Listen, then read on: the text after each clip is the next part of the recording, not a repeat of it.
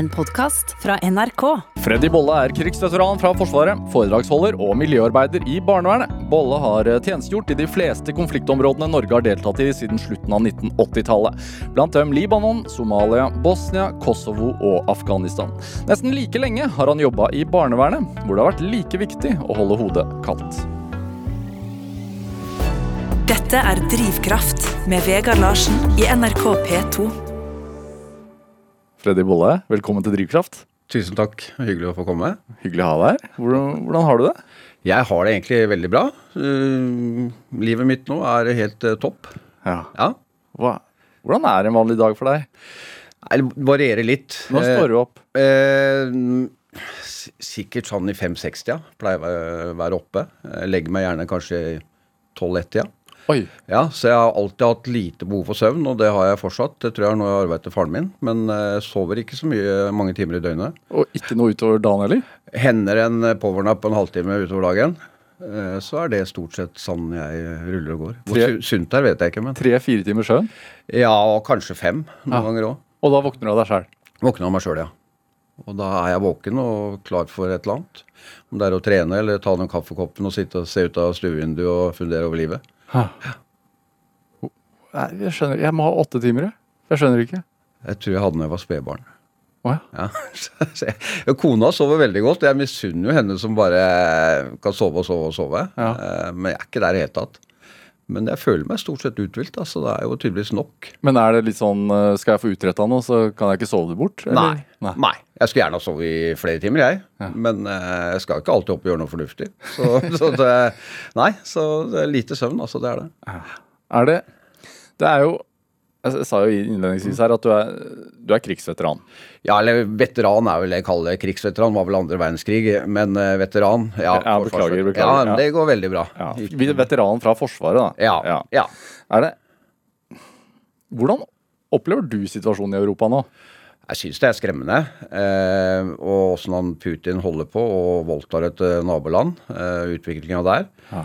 Eh, lidelsene blant befolkninga. Det er noe som jeg, eh, som en gammel mann nå, så jeg orker ikke å se på alt på nyhetene lenger. Jeg er litt ferdig med det. For det er så trist å se på. Eh, men også er jeg veldig imponert over det, den ukrainske befolkninga. Hvordan de greier å stå imot den overmakten og det overgrepet russerne gjør mot dem. Eh, og forsvarsviljen de har, det er imponerende eh, sånn sett. Eh, og nå har de jo til og med begynt å slå litt tilbake så her på nyhetene i Kherson-området. Mm. så det er imponerende. Med støtte fra Vesten, så klart. Eh, med tyngre våpen og sikkert mye annen informasjon nå som de får. Så jeg er kjempeimponert over ukrainerne, hva de greier å stå imot. Tror du du ser det annerledes? Det som skjer der? Hva tenkte du nå? Nei, så leser du det annerledes, og så Nei, jeg skjønner ikke helt hva du mener med føler du på det på en annen måte. Altså sånn med de erfaringene du har. Ja, det, det, det, er, det er klart du har en egen bagasje som du har bak deg når du sitter og ser på dette her. Og, og hva med en fullskala krig her i Europa? Eh, det er ikke det at jeg går og bekymrer meg over det, men det er jo bakhodet. bakhodet. Det er en urolig verden. Du har Kina og USA. Hva hvis Kina og Russland kraftsamler og gjør sin ting? Splitta USA, det er vel den største bekymringa mi, syns jeg. Med han Donald Trump, som er en figur som eh, ikke akkurat er samlende. Eh, og den, vi trenger et sterkt demokratisk USA i verden. Eh, nå er ikke det at jeg svartmaler eh, så mye, men det er eh, krefter der ute som ikke er helt i orden, syns jeg i hvert fall. Er det Er det mer interesse for kunnskapen din nå som, som veteran enn enn det var før krigen brøt ut? Jeg kan få mye spørsmål av forskjellige ting, arter, ja. rundt det der. Jeg holder også foredrag, eh, men det er ikke så mye om eh, ting som skjer, men det er ting som har skjedd, og mitt liv. Eh, så jeg merker at det er litt interesse. Det er ikke det at jeg er så veldig interessant person, men ja, folk henvender seg. Eh, og jeg, jeg kjenner jo mange veteraner fra inter- internasjonale operasjoner for Norge som har eh, posttraumatisk stress, har sine lidelser. Jeg merker en del pågang fra dem også, opp oppblomstra etter at uh, dette her skjedde i Ukraina. Så merker du Ja, merker det mer på kroppen nå? liksom? Ja, får mer henvendelser. Uh, Jeg sliter med det, eller jeg har sånne problemer. Er det mulig, kan jeg hjelpe eller bidra eller lose dem videre inn i et, en eller annen sted hvor de kan få hjelp? Så det er en større uro for, blant mange. Men, det er, alle- men veteraner er forskjellige. Noen bryr seg kanskje ikke så mye, noen følger med ekstra, noen går i kjelleren. Så det er et stort spekter blant veteraner òg. Hvordan er det for deg? Nei, for meg går jeg surrer og går videre med livet mitt, jeg. Og jeg søker mye stillhet for tida. eh, For det har vært et ganske turbulent liv på mange mulige måter, fra barndom til nå. Eh, Så nå er jeg sånn som søker roen i fjellet og mye alenetid. Eh, kona har alenetid. Eh, Hun er ganske raus. Jeg er mye ute i marka, for å si det sånn. Mer enn mer enn nå etter altså de siste seks månedene? Nei, det har vært en stund. Så det er klart, eh, det har det vært. Så det har ikke så mye med Ukraina å gjøre, men eh, det ligger jo i bakhodet og surrer at eh, utviklingen er jo ikke så bra. Hvorfor er, På hvilken måte blir, blir du påvirka negativt av lyd? da? Av lyd. Ja.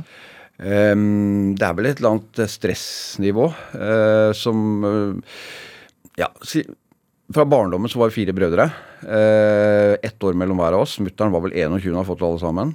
Eh, stor turbulens hele tida. Alt handla om å være best eller konkurranse om alt mulig. Hoppe høyest, løpe fortest, slå hardest. Eh, hele tida et jag. Vi kriga mye.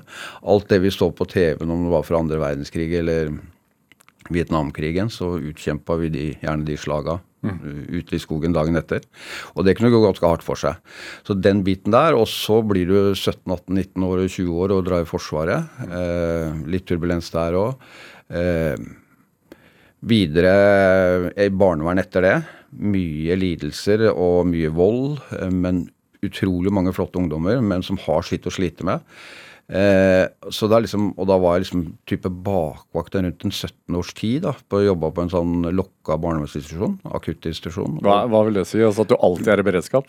Ja, de kunne ringe meg, for jeg syntes det var interessant å være med og prøve å løse opp de flokene eh, med volden som kunne skje, og eller andre ting. Selvskading og alt mulig. Hvordan kunne det foregå? Altså At du, var hjemme og, du lå hjemme og sov? Ja, eh, og så fikk jeg en telefon om kan du komme og bidra, for nå er det like før ungdommen tar over hele huset, og ansatte er slått ned, og sånne type ting.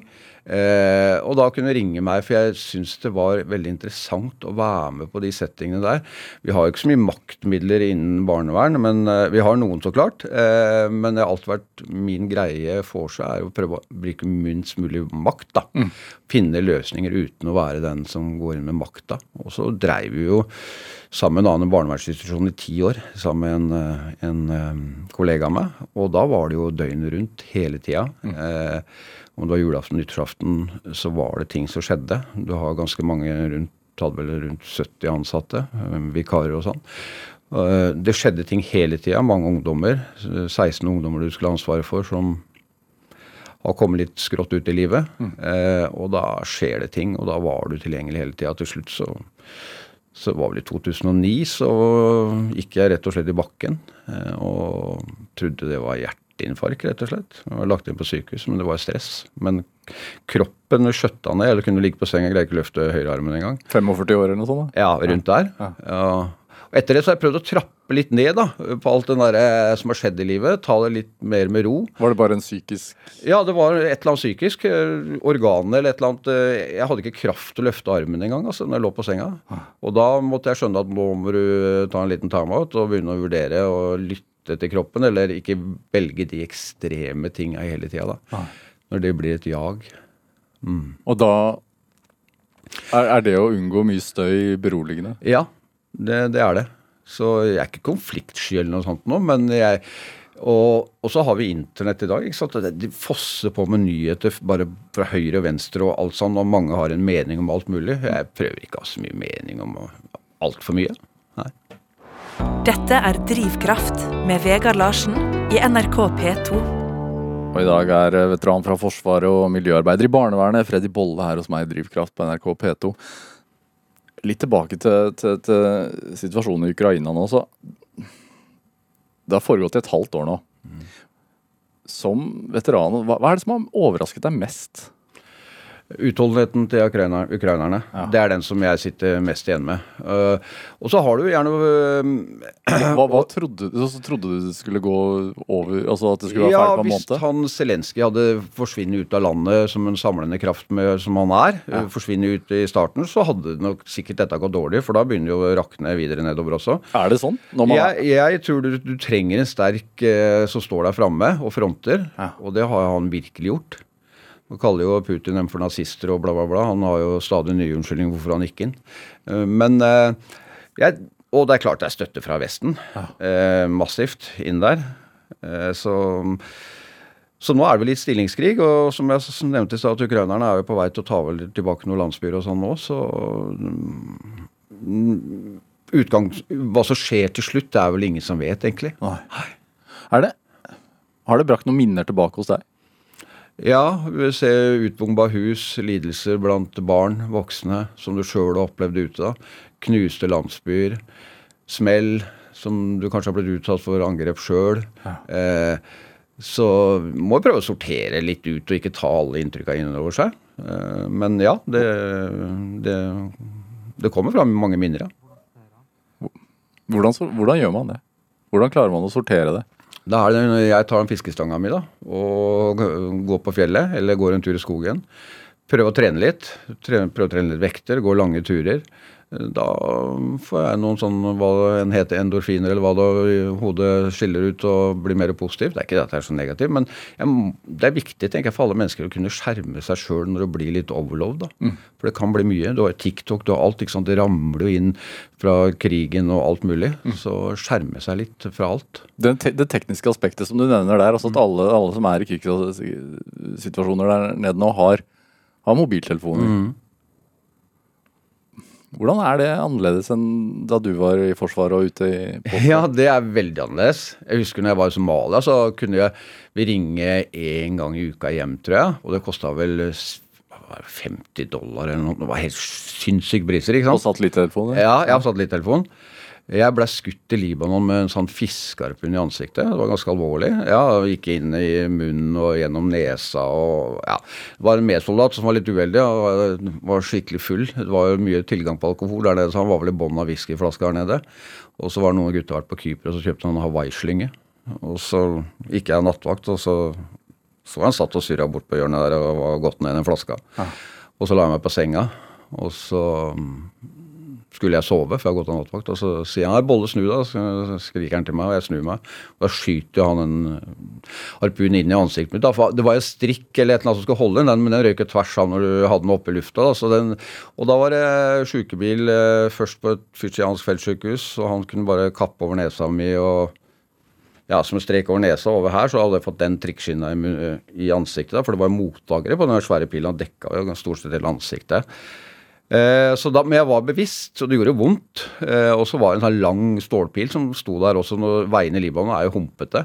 Og han ambulansesjåføren kjørte i full fart, og det humpa og lå slang med den der og holdt den stanga. Ikke sant? Ikke se på såret, ja, men hvor skal jeg se? Eh, ikke sant? Men da, da, da blei det mye om og men. Så dro vi til et svensk feltsykehus.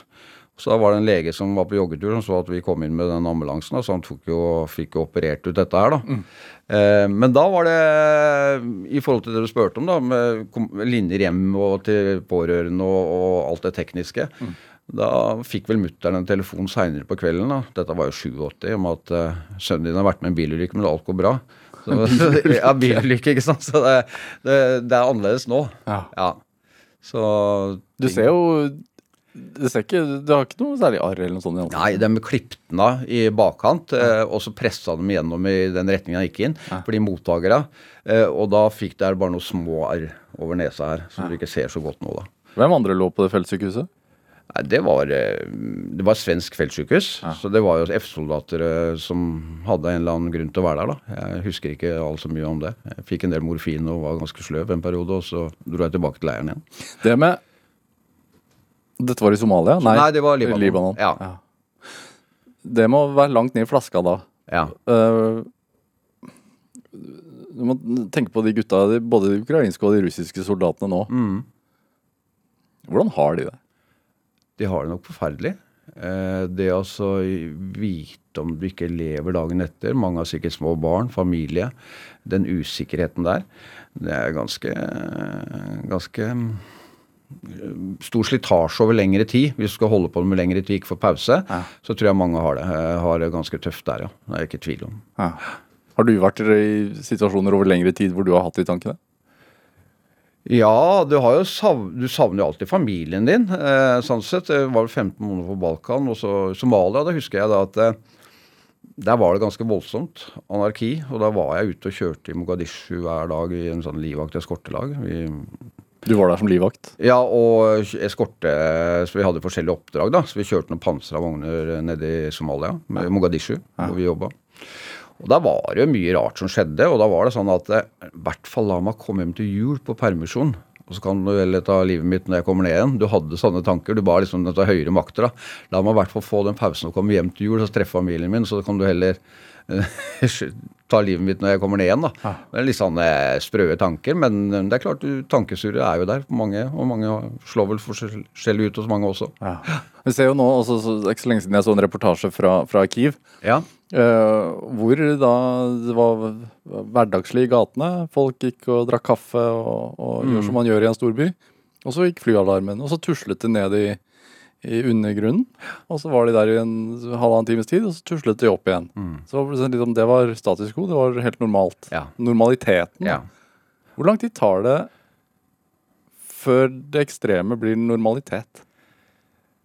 Jeg syns det har gått ganske fort der nede, da. Ja. Eh, sånn sett. Eh, I starten så var det vel mer usikkert. Da gikk vel kanskje russere og slapp noen bomber inn i Kiev og sånn. Jeg vet ikke om de har gjort det i det siste så mye heller. Så du får en sånn kanskje litt sånn falsk trygghet òg. Men det er jo en ustabil part på den andre sida som plutselig kan gjøre det.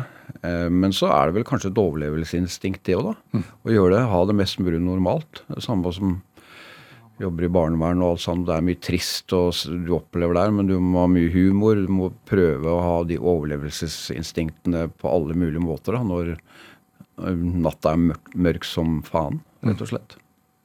Så må du finne de verktøyene som gjør at du kan fungere mest mulig normalt. da.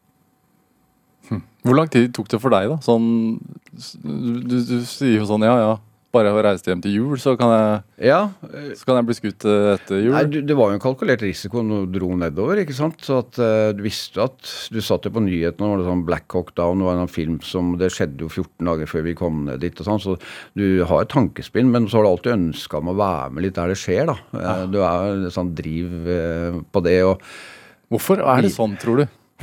Jeg vet ikke. Eh, Jeg har tenkt litt på det. Kan det være noe med barndommen også? Alt det derre ståket vi hadde i barndommen. da. Ja. Å være ute og klatre og i skogen og drive med vårt. da. Eh, konkurranseinstinkt, spenning, epleslang, ikke sant. Eh, Adrenalinjakt? Ja, eh, på en måte. Eh, Så det er- ligger nok mye der. Så hadde vi jo Mutter'n var jo sånn Og så havna jeg i barnevernet, på en måte. da, Så liksom Mutter'n var jo verdens største menneske på omsorg. ikke sant? Hun var så snill, og vi fikk ganske frie tøyler. Eh, Hendte at naboungene ikke fikk lov å leke med oss, for det gikk for hardt for seg. Det var Brekte bein, utslåtte tenner. Jeg tror jeg vil ha ti tenner igjen som er levende i kjeften min, ellers er jeg slått ut meste. Fra barndom. Ja, ungdomstid og barndom og alt. eh, sånne ting. Så mutter'n var jo den som lot oss få noe å holde på ute og gjøre, men hun tok oss inn da, og tørka oss opp på en måte da, og fortalte hva som var rett og galt, og så var det ute og prøve seg igjen. Så var det faren min da, som var kanskje helt motsatt. Han var ikke, Der var det ikke mye gratis å få. Hva vil det si? Eh, at han eh, hadde ikke den omsorgen eh, for oss, men likevel så var det så godt å ha ham på mange mulige måter. da, For han var flink til det han dreiv med, og, og, men han, han var så Dagen før han døde i 2016, så sa han til meg og de to brødrene mine som lever, da, at jeg er glad i dere alle sammen. Og det er første gang han har sagt, og han var 83 år når han døde. Og så Det beskriver han litt. da, altså, det, det var så jeg tror det var ålreit å ha de to forskjellige foreldrene. da, Sånn som jeg og han ene broren min Trond. da Vi ikke lære av fatter'n Jeg måtte bli finne på noe i livet mitt. Jeg har bare surra, aldri tatt skole seriøst. Så jeg skulle bli tømrer, da. Så jeg tok et svennebrød og sånn. Og så beskriver fatter'n litt, da, så er det liksom, så var vi rett ned på Majorstua her, og så gikk jeg lære av han, og så hadde vi, han kjøpt masse spiker, da. som har lasta opp en sånn liten bil som vi skulle ha. Vi skulle jo vi skulle restaurere et loft her nede. Mhm. Et svært loft. Og da måtte vi ha mye spiker oppe i toppen der. Og det eh, fattern beskriver han, da, liksom Han likte ikke autoriteter og uniformer. Det var verst han visste. Folkeuniform, nei, det var ikke bra. Eh, Så fikk jeg noen unger i, i Forsvaret, da. Men da liksom parker vi i, på et trikkeskinne der nede, da. For å bære disse spikerne opp i fjerde etasje. Og da kommer trikken, ikke sant. Jeg husker, glemmer aldri det. Og da står trikken og drar i horn og tuter, ikke sant. Hva fader er det sånn? Hvorfor går han parker så dumt? Og fatter'n flytter ikke. Bare bær opp, sier han, ikke sant. Ja, men, og så da kommer trikkesjåføren ut av, av, av trikken og spør hva i helvete kan du parkere her? Ja, kjør rundt da, din jævla nazist, sier fatter'n. Det er jo helt sant sprøtt, da. Men det var litt sånn han var, da. Ja. Men han, han var jo et godt menneske, men hadde, han, han takla ikke sånne ting. Da. Så vi liksom fikk begge deler fra den omsorgsfulle moren og den litt harde faren. da. Ja. så kanskje du fikk samla det i en sånn greie, så da blei det kanskje da du dro i Forsvaret, jobber i barnevernet, omsorgsbiten, Ja. Forsvaret eller den spenninga eller den type, da. Hvorfor henger det sammen, tror du? Jeg vet ikke. Det har bare blitt sånn, og eh, Nei, det har jeg ikke noe godt svar på, egentlig. Er du flink til å si at du er glad i uh... Jeg, jeg prøver så godt jeg kan. Jeg er veldig flink med barne, i, med ungdommen jeg jobber med. Ja. Jeg kan bli mye flinkere til uh, min egen barn. Hvorfor det, sitter det lenger inne? Sikkert noe etter fattern, tenker jeg. Litt sånn 'dette er gærent'. Og så var det han eh, ene broren min, en som het Trond, han døde i Afghanistan. Og han hadde heller aldri jeg gitt en klem, men eh, han kom innom meg på jobben siste gang han dro ut. Og da ga han meg en klem. Eh, og så har jeg en sønn som er i Forsvaret, som har vært i utenlandstjenesten nå. Så eh, han fikk en klem da han kom hjem, men jeg ga ikke han klem når han dro. For da har jeg et dårlig minne med når broren min fikk en klem. Så det er vel sikkert litt sånn Høres sikkert helt sprøtt ut, men det er vel noen sånne tvangstanker jeg har, da. Om at eh, nei, sånn gjør du ikke, for det gikk dårlig forrige gang, og sånne ting. Men eh, jeg prøver å vise til mine egne barn at jeg er veldig glad i dem, men jeg er dårlig på å gi dem klem. Er det, Når vi snakker om barn Det, det kommer jo tusenvis av ukrainske barn til Norge nå. Mm. eh, og har gjort det helt siden krigen starta. Hvordan har de det, tror du?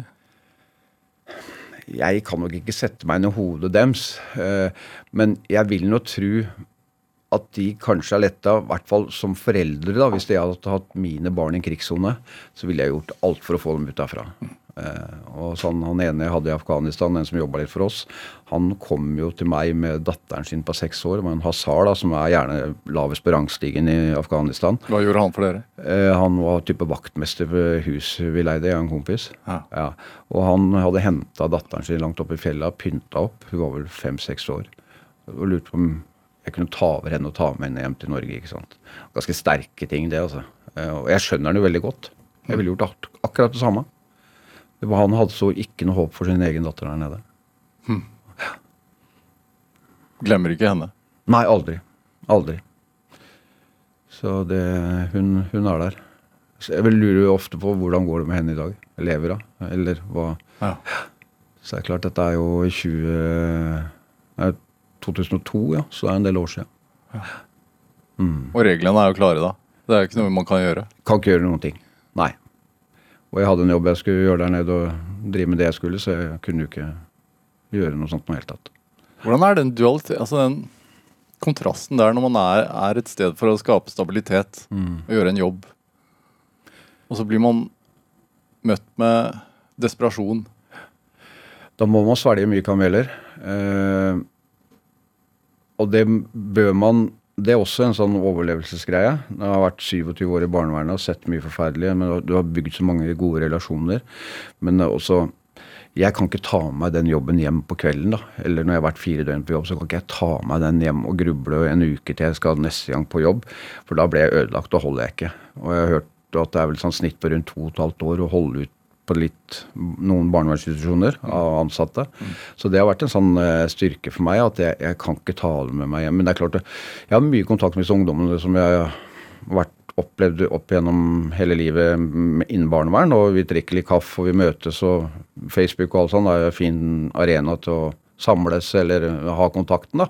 Så jeg har kontakt med mange av dem. Eh, men jeg kan ikke ta sånne ting innom meg. Bosnia så fikk vi noen tips om en massegrav. ikke sant? Vi reiser opp der. Eh, finner massegraven. Eh, ene parten har jo Det var ganske mange som var drept ute på et jorde en lysning som vi fikk tips om. Eh, og de hadde hatt dårlig tid når du tok livet av alle de menneskene, og bare gravd kanskje 10 cm jord over dem. Og så går det noen år, så er det tælene som døtter opp alt dette. Så vi sto ute i massegraven der.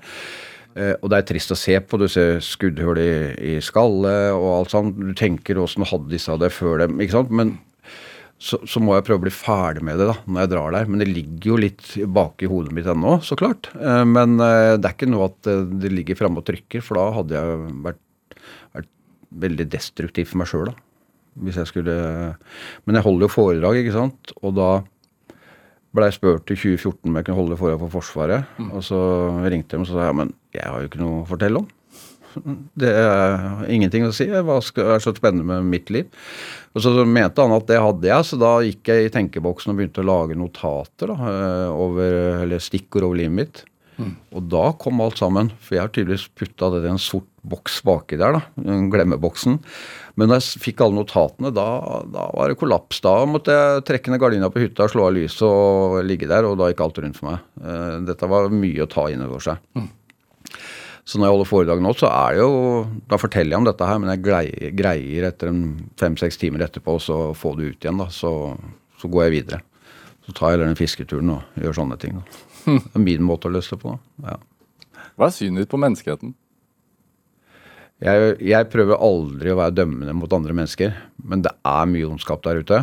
Eh, jeg tror ikke alle er født onde, men eh, hva de blir påvirka av barndom og ekstreme ting Vi Snakka om Donald Trump i stad. Han var sikkert snill, han òg, men han er ikke noe godt menneske i det hele tatt. Så jeg, menneskeheten, synet på menneskeheten, ja. Jeg prøver aldri eh, ungdom som kommer til oss, jeg prøver å aldri dømme. Det skal rettsvesenet ta seg av. Jeg prøver å være rettferdig. Jeg prøver å bygge en dialog. Jeg prøver å bygge relasjoner for å få til en endring hos et annet menneske. Så alle kan jo på en måte stort sett endre seg. Og det har jeg opplevd mye i barnevernet. At du kommer inn ungdom som er ganske ute og kjører, så får du bygd en plattform for dem på en eller annen måte inn i livet videre. Så de har noe mer å stå på. Mm. Litt tryggere på seg sjøl og livet sitt. Og, Når det skjer, hva, hva, hva, gjør det med deg? Ja, det, det, er jo sikkert derfor jeg har holdt ut så lenge med dette her òg. Det gir en enorm gledesfølelse at de greier her. og Får barn, du har vært i barnedåp, du har ikke sant, ting har fungert. Og det, det er en lykkefølelse. Så er det så klart, noen har jo falt fra. Freddy, Freddy Bolle, vi skal, vi skal, spille litt musikk. Mm. Uh, jeg føler vi trenger litt en slags stillhet etter, eh, etter, etter, praten så langt. Uh, det har med The Sound of Silence, men, men av Disturbed. Ja, stemmer. Hvorfor den versjonen?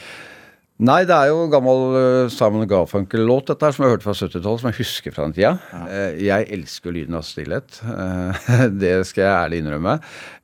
dette her er nok litt sånn bygreie prega på den musikken, men jeg, jeg syns han er så flott. Mm. Litt opp og litt ned. Og når jeg hører den, så, så, så senker jeg skuldra, i hvert fall. Mm.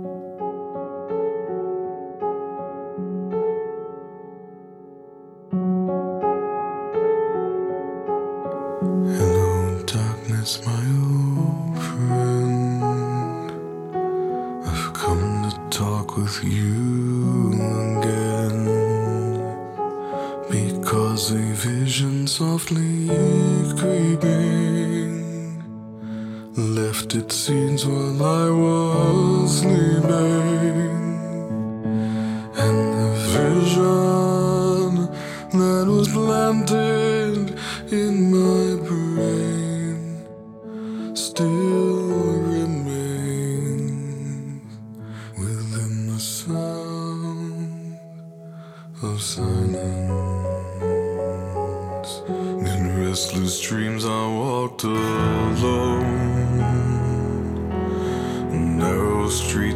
come on, stone.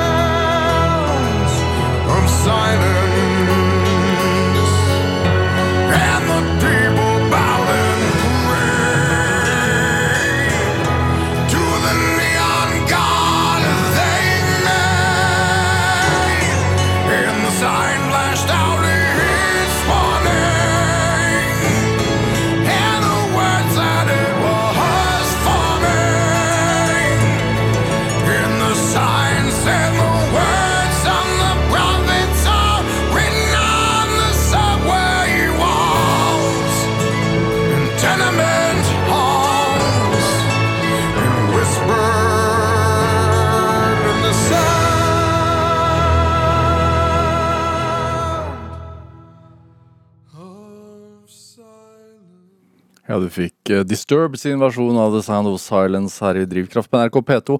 Valgt av dagens gjest her i Drivkraft, nemlig veteran fra Forsvaret og miljøarbeider i barnevernet, Freddy Bolle. Det er, det har jo vært masse snakk om uh, de senere årene om, om uh, unge menn og, og det å klare å prate om følelser. Hva, Ja. hva tenker du om hele den debatten? Det er jo viktig, eh, helt klart. Jeg har nok vært dårlig på det. Jeg var mye, som sagt, en del ute i Forsvaret eh, og jobber i barnevernet. Eh, jeg har vært utrolig dårlig på det. Jeg har blitt flinkere til dette jeg har holdt foredrag. Eh, sånn som jeg kom hjem til kona noen ganger, og hun har spurt åssen har du hatt det på jobben. Eh, det skal du bare drite i. Kan jeg si til henne da. Eh, for Hvorfor det? Da, jo, for da er jeg ferdig med det. For det er, det, er- der er det mye elendighet å ta med seg inn. Eh, stakkars mennesker ikke sant, som har det ugreit. Eh, da, da orker ikke jeg dra det videre. Nevnte aldri noe særlig her eh, hjemme eh, til kona eller til andre kjærester eller noe sånt. Jeg husker jeg var i Libanon og vi ble beskutt på en høyde, og to norske ble skada. Mye håndtering. Det var noe granater fra en, en eh, stridsvogn fra i nærheten som skjøt mot oss. Eh, og dagen etter kom jeg til Norge. Fortalte jo ikke noe særlig om det i hele tatt. Da var jeg ferdig med det. Nå er jo Forsvaret blitt mye bedre. Så det du sier om unge menn og følelser eh, Jeg har holdt litt foredrag i Forsvaret òg, og snakker om akkurat det der. da, At til og med Forsvaret er jo mer på det.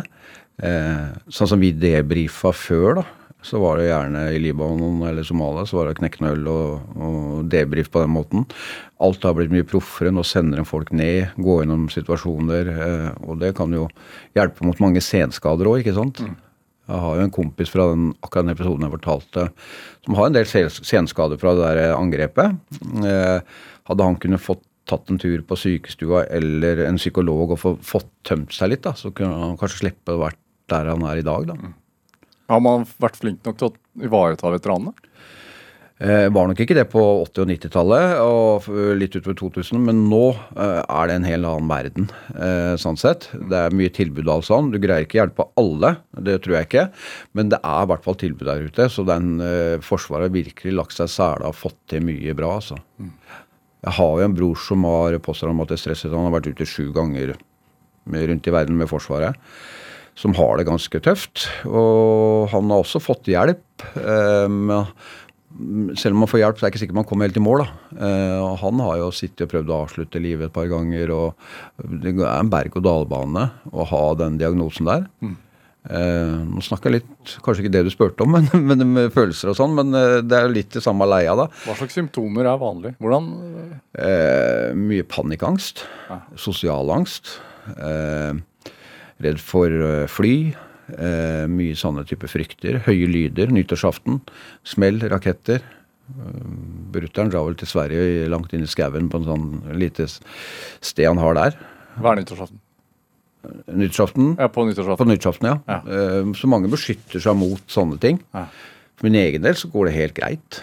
Jeg, om jeg har litt kast i klokka eller om jeg er litt hjerneskada. Jeg, jeg, jeg har jo dratt med meg ting sikkert fra utenlandstjeneste, jeg òg. Når jeg parkerer bilen, så rygger jeg alltid inn. Lett vei å kjøre ut, fort å kjøre ut hvis noen skal ta meg. Jeg kan gå inn på en restaurant. Da setter jeg meg litt strategisk til for å se hvem kommer ut, nei, hvem kommer inn, hvor er fluktmuligheter. Eh, men det er ikke noe sånn ekstremt. Men jeg har jo noe sine, mine greier, jeg òg. Så altså, kanskje han ene broren min, hvis han går tur i skogen, da, så ser han ut hvor finnen fienden kan angripe den. ikke sant? Så da, da, da ligger de helt framme, og du går med de høye skuldra hele tida, aldri får slappe av. Og det er en belastning. For familie rundt og barn og alle sånne ting. Man, dere, var, altså, dere var fire brødre. Ja, stemmer. Vokste opp på Vestby. Ja, Vestby. Altså. Eh, s- og dere, er- var jo tette i alder. Cirka ett år mellom hver av oss. Hvor er du på Jeg er uh, Sven Erik er den eldste. Ja. Så er det meg som nummer to, og så er det en som heter Lasse etter meg, og så er det Trond som er yngste. Ja. Så ca. et år mellom. Altså Mutter'n fikk ikke mye pause mellom graviditeten. Altså, det er ingen tvil om. Du, du har fortalt, har fortalt at det var mye energi, og, og, og naturlig nok, da, med fire tette brødre, Mm. så, blir- så blir det jo kanskje lett litt sånn, da. Ja, det gjør det. Og så var det sånn at vi fikk ikke lov å være så mye inne heller. Vi reiv under huset hjemme, og mutter'n hadde liksom bekkdrev og ganske sånn sterke mig migrene, da. Og når vi holdt på inne, så gikk det jo hardt for seg. Så da var det ut i skogen og utfolde seg, og den energien fikk vi utløp for der ute, altså. Løst ut på en eller annen måte. Og hvis øh, brødrene har samme fysikk som deg, så var det jo mye energi. Altså sånn Ja, det, det var det. Ja. Sånn som Trond, han drev vel med boksing og, løping, vel. Og Lasse, han kom vel på amerikanske landslaget i fotball. Norske i amerikansk fotball, da. Så ja. norske landslaget. Jeg spilte håndball i alle år, og han eldste var vel på juniorlandslaget i tikamp. Eh, Sånn sett. Og så er den konkurransen da, var en del år siden, så brutter'n, han eldste, pleier å arrangere en sånn der årlig sommergreie ute på Lyseren på hytta si. Og da skulle alle vi fire Det var jo når Trond levde, da. Så Skulle alle fire brødre svømme ganske langt ut og tilbake. Og det er jo en konkurranse, ikke sant. Og det tok tid, og da var, jeg husker ikke om det var Lasse, nei, Trond som spurte Lasse eller åssen det var, da. Om at det var en av oss begynte å slite. Jeg husker ikke hvem det var. Det var Trond eller Lasse, var en, en av dem. Jeg tror det var Lasse som kanskje hadde problemer. Så spør du sånn ja du, trenger du hjelp, eller vi kan få deg inn, eh, liksom hjelpe deg inn hvis det er slitsomt. Da tar jeg heller og drukner sånn. da skal vi hjelpe av noen av oss andre. så, så det lå jo der, den konkurransen hele veien. Men sett tilbake, hvem Hvem var du som unge? Altså, kunne du se liksom Hvilken vei var peila ut for deg, tenker du? Det Jeg husker fra barneskolen eh, alltid engasjert meg i sånn antimobbing, vær snill mot hverandre. Hvorfor det? Eh, jeg kan ha noe med mut- mutter'n å gjøre, altså. Hennes måte å være på, vise hvem hun var og, og sånne ting. Ta vare på folk, ikke dømme. Så var det sånn at eh, hvis det var noen i klassen som hadde det ugreit eller kunne ha antydning til å bli mobba, så skulle jeg være på gruppearbeid sammen med dem, for da tok jeg vare på dem. Så var jeg litt eh, robust sikkert òg, da, og viste. Så, så det var litt sånn meg. Men så likevel så spilte håndball og ishockey, og du likte den derre litt sånn trøkket, da. Ja. Så jeg tror jeg liksom litt fått litt både at jeg Nei, det blir mye skryt, men litt, om, litt omsorg og litt fart, da. Ja. Eh, begge deler. Når du Det er jo sånn, sånn debatt om unge gutter som faller utenom, utenom skolen. At ikke det, altså, den moderne skolen passer ikke de. Nei. Passa det deg? Eh, nei, jeg gjorde ikke det. Eh, jeg husker jo 7. klasse, jeg gikk på noe som het Sovner ungdomsskole. Da hadde vi et utsikt fra skolevinduet ut mot et jorde og en skau. Jeg satt et år og så etter elg og rev ut av vinduet. Jeg tror ikke jeg fikk med meg noen ting, nesten. Hva er løsningen? Eh, litt mer alternativ eh, undervisning. Ta med litt ut i skogen. Legge på en helt annen måte. Eh, en kone som er varaordfører i Vestby kommune, hun har prøvd noen tiltak i skolen der også. Eh, vet ikke helt åssen det gikk nå, men det er en mulighet. Og så er det jo sann også at eh, før så hadde jo de fleste ungdommer i Norge verneplikt. da. Nå er det jo kanskje 10-12% Det er jo kjempetrist for AS Norge. Hvorfor det? Eh, mange måter. For den enkelte, da. Og mange av de ungdommene jeg kjenner, de vil jo gjerne inn i, i Forsvaret og ha den muligheten. Og Forsvaret går jo glipp av utrolig mange kreative sjørøvere som kunne bli gode soldater. Men de får ikke mulighet, for da kanskje de har noe på rullebladet sitt eller et eller annet, og behovet er lite. Så får du kanskje mye av de skolesterke inn, da. Men eh, hva skjer med de sjørøvere som kanskje burde ha vært der inne? som jeg jeg treffer jo ungdom i barnevernet som har endt, hatt karriere i Forsvaret og greid livet sitt veldig bra. Ingen av de har muligheten nå lenger. Så for samfunnet, da, nå er det ikke Forsvaret som skal Den der gamle opp, opp, altså Ja, oppdragende effekten, liksom. oppdragelse. Det? Du lærer å samarbeide med andre, du lærer å svette litt med andre, sove i telt, løse oppgaver i sammen. Det er mye verdier som blir borte på veien i forhold til hva man fikk før. da. Og nå er liksom eh, Hvem er det man ser opp til nå? Den på Paradise Hotel og sånn. Ikke sant? Og da, det gjør noe med hele nasjonen, da, tror jeg. Også. Og det å gjennomføre førstegangstjenesten, dere jobber i NRK, ikke sant? som mange har gjort det, så tenker du kanskje litt sikkerhet. Eh, dere blir utsatt for ting. Man er litt oppmerksom på ting. Eh, Ukraina. Eh, nå er det folk eh, på gang der å beskytte landet sitt. Jo mer som får gått gjennom den mølla, da, så har det et mer robust land. da. Nå høres jeg kanskje litt ekstrem ut, men, men, men det er ikke sant det, Men jeg tenker, det er sånne mm, ord som jeg bruker, da, si vis pacem parabellum. Det er hvis du ønsker fred, forbered deg på krig. Og det er ikke det at jeg er ekstrem eller jeg ønsker bare fred og fordragelighet. Eller, men vi må være litt forberedt da, på den urolige verden som er også. Eh, og at vi burde tenke sånn som nasjon. da. Og Tror du at du tenker i større grad i de baner fordi at du har opplevd ting på nært hold og sett at det faktisk er virkeligheten Ja, ting- er litt sånn? Ja. ting kan snu fort. Ja. Kan sikkert dra det tilbake til barndommen og all den herjinga der, og i barnevernet at alt kan være fred og fordragelig, og så plutselig er det et knips, og så er alt snudd på hodet. Ute i utenlandstjeneste så er det ganske, kanskje rolig eller ikke rolig, og så plutselig så er det sånn. og Det, du, du, det er en del, en del uro. Det er ikke at jeg nå skal hause opp det, men, men det er lurt å tenke sikkerhet, da. Har, vi vært, altså, har, vi, har vi vært naive i forhold til Forsvaret i Norge? Jeg tror alt handler om penger, å spare penger og spare penger. At verneplikten kanskje er for dyr, og så tenker man at man skal en teknologisk Alt vil skje sånn på en teknologisk nivå da, eh, med krigen. Men den største ressursen til Forsvaret er jo menneskene, ikke sant. Eh, Det er de som er eh, forsvars, største forsvarskraften da, som man kan ha. Se på Ukraina nå. Det var en general som sa til meg så, sånn måte jeg tenkte på. Det, med den gamle måten å utføre en krig på, det skjer ikke. Og det kommer i Ukraina. Jeg har ikke hørt noe fra han siden. Men eh, det var litt sånn Man må være litt kreativ da, og, og ruste oss. Ja, det, blir, det, blir, det blir mye sånn ekstremprat, men jeg har en sånn sikkerhetstanke. da, Med å jobbe i ugreie miljøer og sånne ting, så tenker du sikkerhet. da, Uten at jeg skal dra det for langt. Men og så tenkte jeg, hvis du er i Forsvaret og så integrering, da, innvandrere. Få dem inn i Forsvaret og sånn For de som kan utøve verneplikten, da, eh, som er stabile nok og sånne ting. La de få gjøre det. Jeg tror, jeg tror du betaler skatten din med glede hvis du får de verdiene som du får inn i Forsvaret og samhold og alt sånt, Og, og tenke litt at vi må ta vare på oss sjøl og landet vårt. da. Men vi skal også hjelpe andre. Hva er en god soldat? da? Hva er en god soldat, ja. Eh, en som ikke gir seg, en som gir omsorg for andre. En som er klok i avgjørelsene. Eh, ikke beholde beholder roen. Eh, ja, det, det, det spørsmålet kommer litt kjapt på, men eh, kort oppsummering litt hva jeg tenker. Mm. Hvorfor var det naturlig for bollebrødrene å gå inn i Forsvaret? Altså, var det jo, da var det jo verneplikt, selvfølgelig. Ja, da var det verneplikt, og alle skulle gjennom. Eh, nei, jeg, jeg, husker jeg gleda meg egentlig til det, men det var ikke noe plan om at eh, jeg skulle inn og gjennomføre verneplikten, og så var det det. Men så endte jeg vel opp med noen Litt fra leken fra skauen, Ja, det er helt klart at det forma.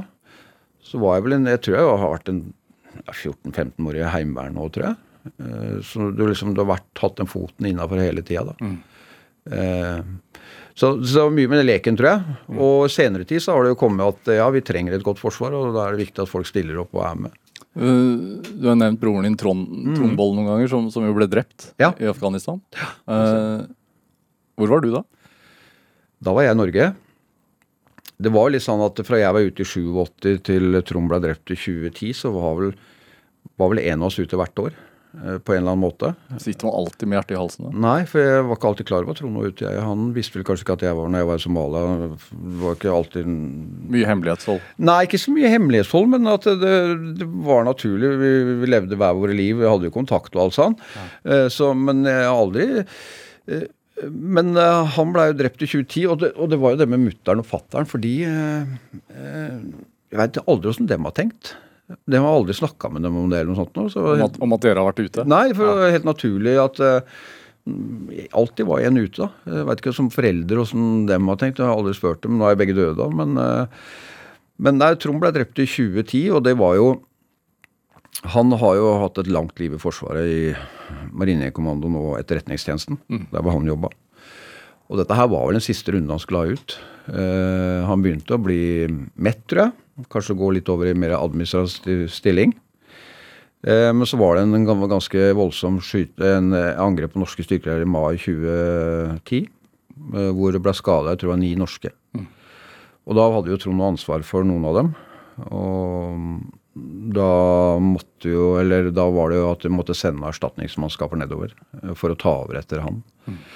Og da valgte vel han, sånn jeg prata med ham rett før han dro, at han eh, ikke ville dra inn per, eh, sommerferien til noen av gutta. Og så hvis han dro ned nå, så fikk han en avkorta periode, den siste runden han skulle ha ut.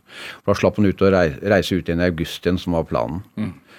Så da valgte han å dro ned der, da, sammen med dem der nede. Og da var det jo Trond og tre andre fra Kystjegerkommandoen, som det het, som blei sprengt i et eh, kjøretøy der nede. Det husker jeg jo Jeg satt jo hjemme på kvelden og så på TV 2-nyhetene, og da kom det sånn rulletekst i bånn på TV-en at eh, fire norske drepte i Afghanistan. Og da fikk jeg, kjente jeg den med en gang. Jeg visste han var der, for han hadde jo vært gitt meg den klemmen eh, rett før han dro, eh, og snakka om og det var jo det momentet jeg så- så- solgte en barnevernsinstitusjon jeg dreiv, da, som han mente var lurt å gjøre. Du må gjøre det nå, du må ta vare på deg sjøl, og, og dette her sliter deg ut, som han sa. Så da ringte jeg kona hans og spurte om vi hadde hørt noe i forhold til eh, den eksplosjonen som var der. Nei, vi hadde ikke hørt noen ting. Hun var på hytta si. Eh, ikke noen ting. Og som vi sa, jeg pleier å få meldinger hver gang eh, dem har vært involvert i noe, så at, da regna jeg med at kanskje det ikke var noe, da. Men da gikk det en halvtime etterpå, da ringte hun meg da, og så fortalte at det var Trond. Og da husker jeg bare at gikk sånn kaldt ned over meg, og så fikk jeg snakke med sjefen for Marinekommando, for da var det en prest fra Sjøforsvaret, lensmann, og og ja, en til som bare hadde fått tak i Bjørg og gitt de tunge meldingene til henne. Så fikk jeg snakka med han. Da husker jeg først jeg spurte om det var eh, om han trodde det gikk fort. For det var, var en sånn som slo inn hos meg. Eh, at jeg ikke lidde noe, da. Og da sa vel han om at eh, det var nok bare et lysglimt, så var det over. Og det var liksom betryggende. Da, da spurte han om jeg ville ha prest da, for å varsle fattern og brødrene mine. Eh, Mutter'n var jo død da, eh, så jeg takka pent nei til det. Og sa at jeg skulle ringe tilbake når jeg vars fikk varsla dem. da. Og da la jeg på telefon, og så da gikk jeg, da måtte jeg ta en timeout på bakken. Da gikk jeg rett ned i bakken og lå der. Og da gikk ting rundt. Eh, Masse minner alt han strømte på, og, og siste turen og ja, mye ting som gnag kort stund i periode i hodet. Eh, Men så kom jo den indre stemmen som jeg kaller det noen ganger. da, At nå må du faen meg ta deg sammen og komme deg på beina. Nå må du komme deg ut og få varsla brødrene dine og, faren din. da. Så da dro jeg den runden. da, og Det var en ganske tung runde å snakke med faren din. Eh, glemmer aldri han kom ut fra der vi bodde i Vestby, i andre etasje med Ja, han, han Jeg sa ikke noe til han. Han sa til meg 'Er det Trond?' sa han. Ja, det er Trond, sa jeg. Ja, det var liksom, Han visste det. han visste det. Og han hadde en dårlig følelse sammen på siste oppdrag. Og det var mye uro der nede. Og da fikk jeg dratt til brødrene mine etterpå. Og, eller han eldste ringte og Lasse dro jeg til. Og fikk varsla om det. Tungt som det var. Og dagen etter så var de oppe på hjem til kona og barna der oppe. Prøvde å bidra så godt som mulig. Jeg likte å holde i gang og holde i gang. Jeg slapp det ikke innpå meg, da. En eller annen merkelig greie. Jeg har vel lært noe etter det òg. Men jeg ville ha ting å gjøre hele tida. Klippe plen. eh, Masse. Holdt i gang. Ikke la den sorgen komme så mye innpå meg. Så jeg blei på en måte sånn bindelem mellom Forsvaret og familien nå. Det var mye som skulle ordnes. Sanger eh, som skulle legges ut, eh, begravelse, masse ting. Og styrte på og styrte på. og Jeg og Trond gikk jo lære sammen hos fatter'n, så han skulle, hadde et sånt svært kjøkkenvindu som han skulle ha bytta sikkert for fem år siden. Han fikk aldri tid, for han var jo sjelden hjemme, og når han var hjemme så var han sliten. Han orka ikke alt det, Så spurte jo kona da, Bjørg om jeg kunne bytte kjøkkenvindu, og da var jeg bare yes. Mer å gjøre. Mer å bare holde på avstand. Mm. Så da spurte jeg Bjørg hvor verktøyet verktøy til Trond var, da. Og så, han hadde jo fra han snekra og sånn, og da fortalte jeg hvor det ute i vedskjulet der. Og da gikk jeg og henta det der ute, eller det kom inn døra der. Og dette var fem-seks dager etter det skjedde, mener jeg. Og så ser jeg verktøykassa til Trond, eh, som jeg husker når vi gikk i læra sammen. Han hadde en enten om han gul eller blå teip på sitt verktøy, verktøy. Jeg hadde motsatt, og vi stal litt av hverandre og bytta teip for å få det beste verktøyet og sånn. Men jeg så den verktøykassa da, da fikk jeg den totale knekten. knekken. Da begynte beina å skjelve, tårene bare rant ut. eh, Null kontroll, skjelvinger i hele kroppen og gikk ned for telling. Eh, Da kom den reaksjonen jeg har gått og holdt tilbake og holdt tilbake og holdt tilbake. Eh, og lå der veldig lenge der inne. Og så fikk jeg rusla ut igjen, og så virk, prøvde å virke helt normal igjen, da. Så, men jeg har lært at jeg må kanskje gi litt uh, ting inn Du må slippe ting inn på deg, ikke bare holde igjen og holde igjen og holde igjen. Det lærte jeg av den episoden der. For det var total kollaps inne på det der vedskjulet. Hva gjorde du med faren din? Faren min uh, han kom seg aldri etter dette her. Det her var et uh, grusomt tap for han. Han blei aldri den samme etterpå. Trond døde i 2010, og fattern døde i 2016. Uh, blei aldri den samme som han var. Det, det var et eh, stort eh, stor eh, tristhet for han, og det påvirka han eh, enormt. Hva har det, gjort med deg, tror du? Altså, det er- tolv år siden nå, og, og, og, men du sitter jo her og sier at, at man bør gå i førstegangstjeneste, og man bør gå inn i Forsvaret. Mm. Litt et større bilde for min del. da. Vi må ta vare på hverandre, og vi må holde sammen. Og vi må, kommer det en ytre fiende, så må vi være litt forberedt. da. Hva syns du om at vi har trukket oss ut av Afghanistan? Um, ja, man skulle nok ha trukket seg ut derfra, men måten det ble gjort på, syns jeg ble jo helt kaotisk. Og det ble feil. Ja. Men det var jo amerikanerne som styrte det, da. Så vi små nasjoner måtte jo bare, kunne ikke bli igjen der aleine.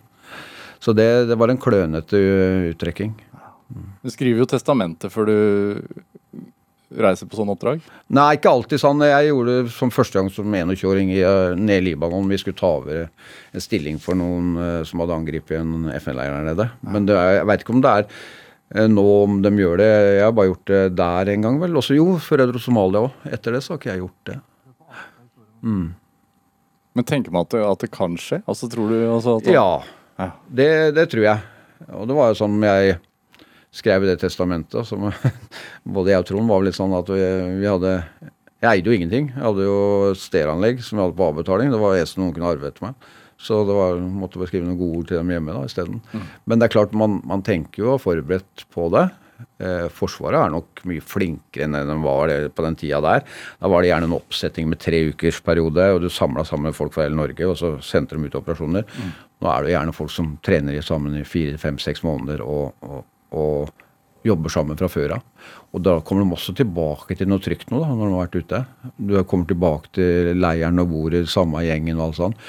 Før så var det gjerne sånn at du kom, kom fra Somalia, så var det ett døgn på, og fikk en middag. Og så var du ute og var sivil. Og det har sikkert gjort også at mange har slitt i etterkant. Har det vært viktig for deg å hedre ham på et, på et vis i et, ettertid? Trond? Ja. Ja, jeg er nok eh, litt sånn eh, Prøver du på dødsdatoen og sånn, og jeg er litt opptatt av den 8. mai og frigjøringsdagen eh, og veterandagen. Prøver å hedre der. Eh, ja, at det er noen som ofrer noe, og, og det å være i Forsvaret Det kan jo være en brutal bransje, og det er jo aldri noen garanti om du kommer med kiste eller fysisk eller psykisk skada når du er ute på et oppdrag.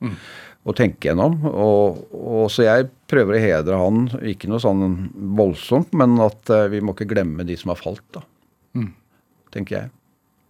Du har tatovert uh, navnet hans på deg, på et vis. Ja, en sånn kallenavnet hans. Eh, Dragon One, som han ble kalt. Det er bare tatt litt bak på leggen. eh, En sånn minnegreie for meg. Og ja, respekt for han.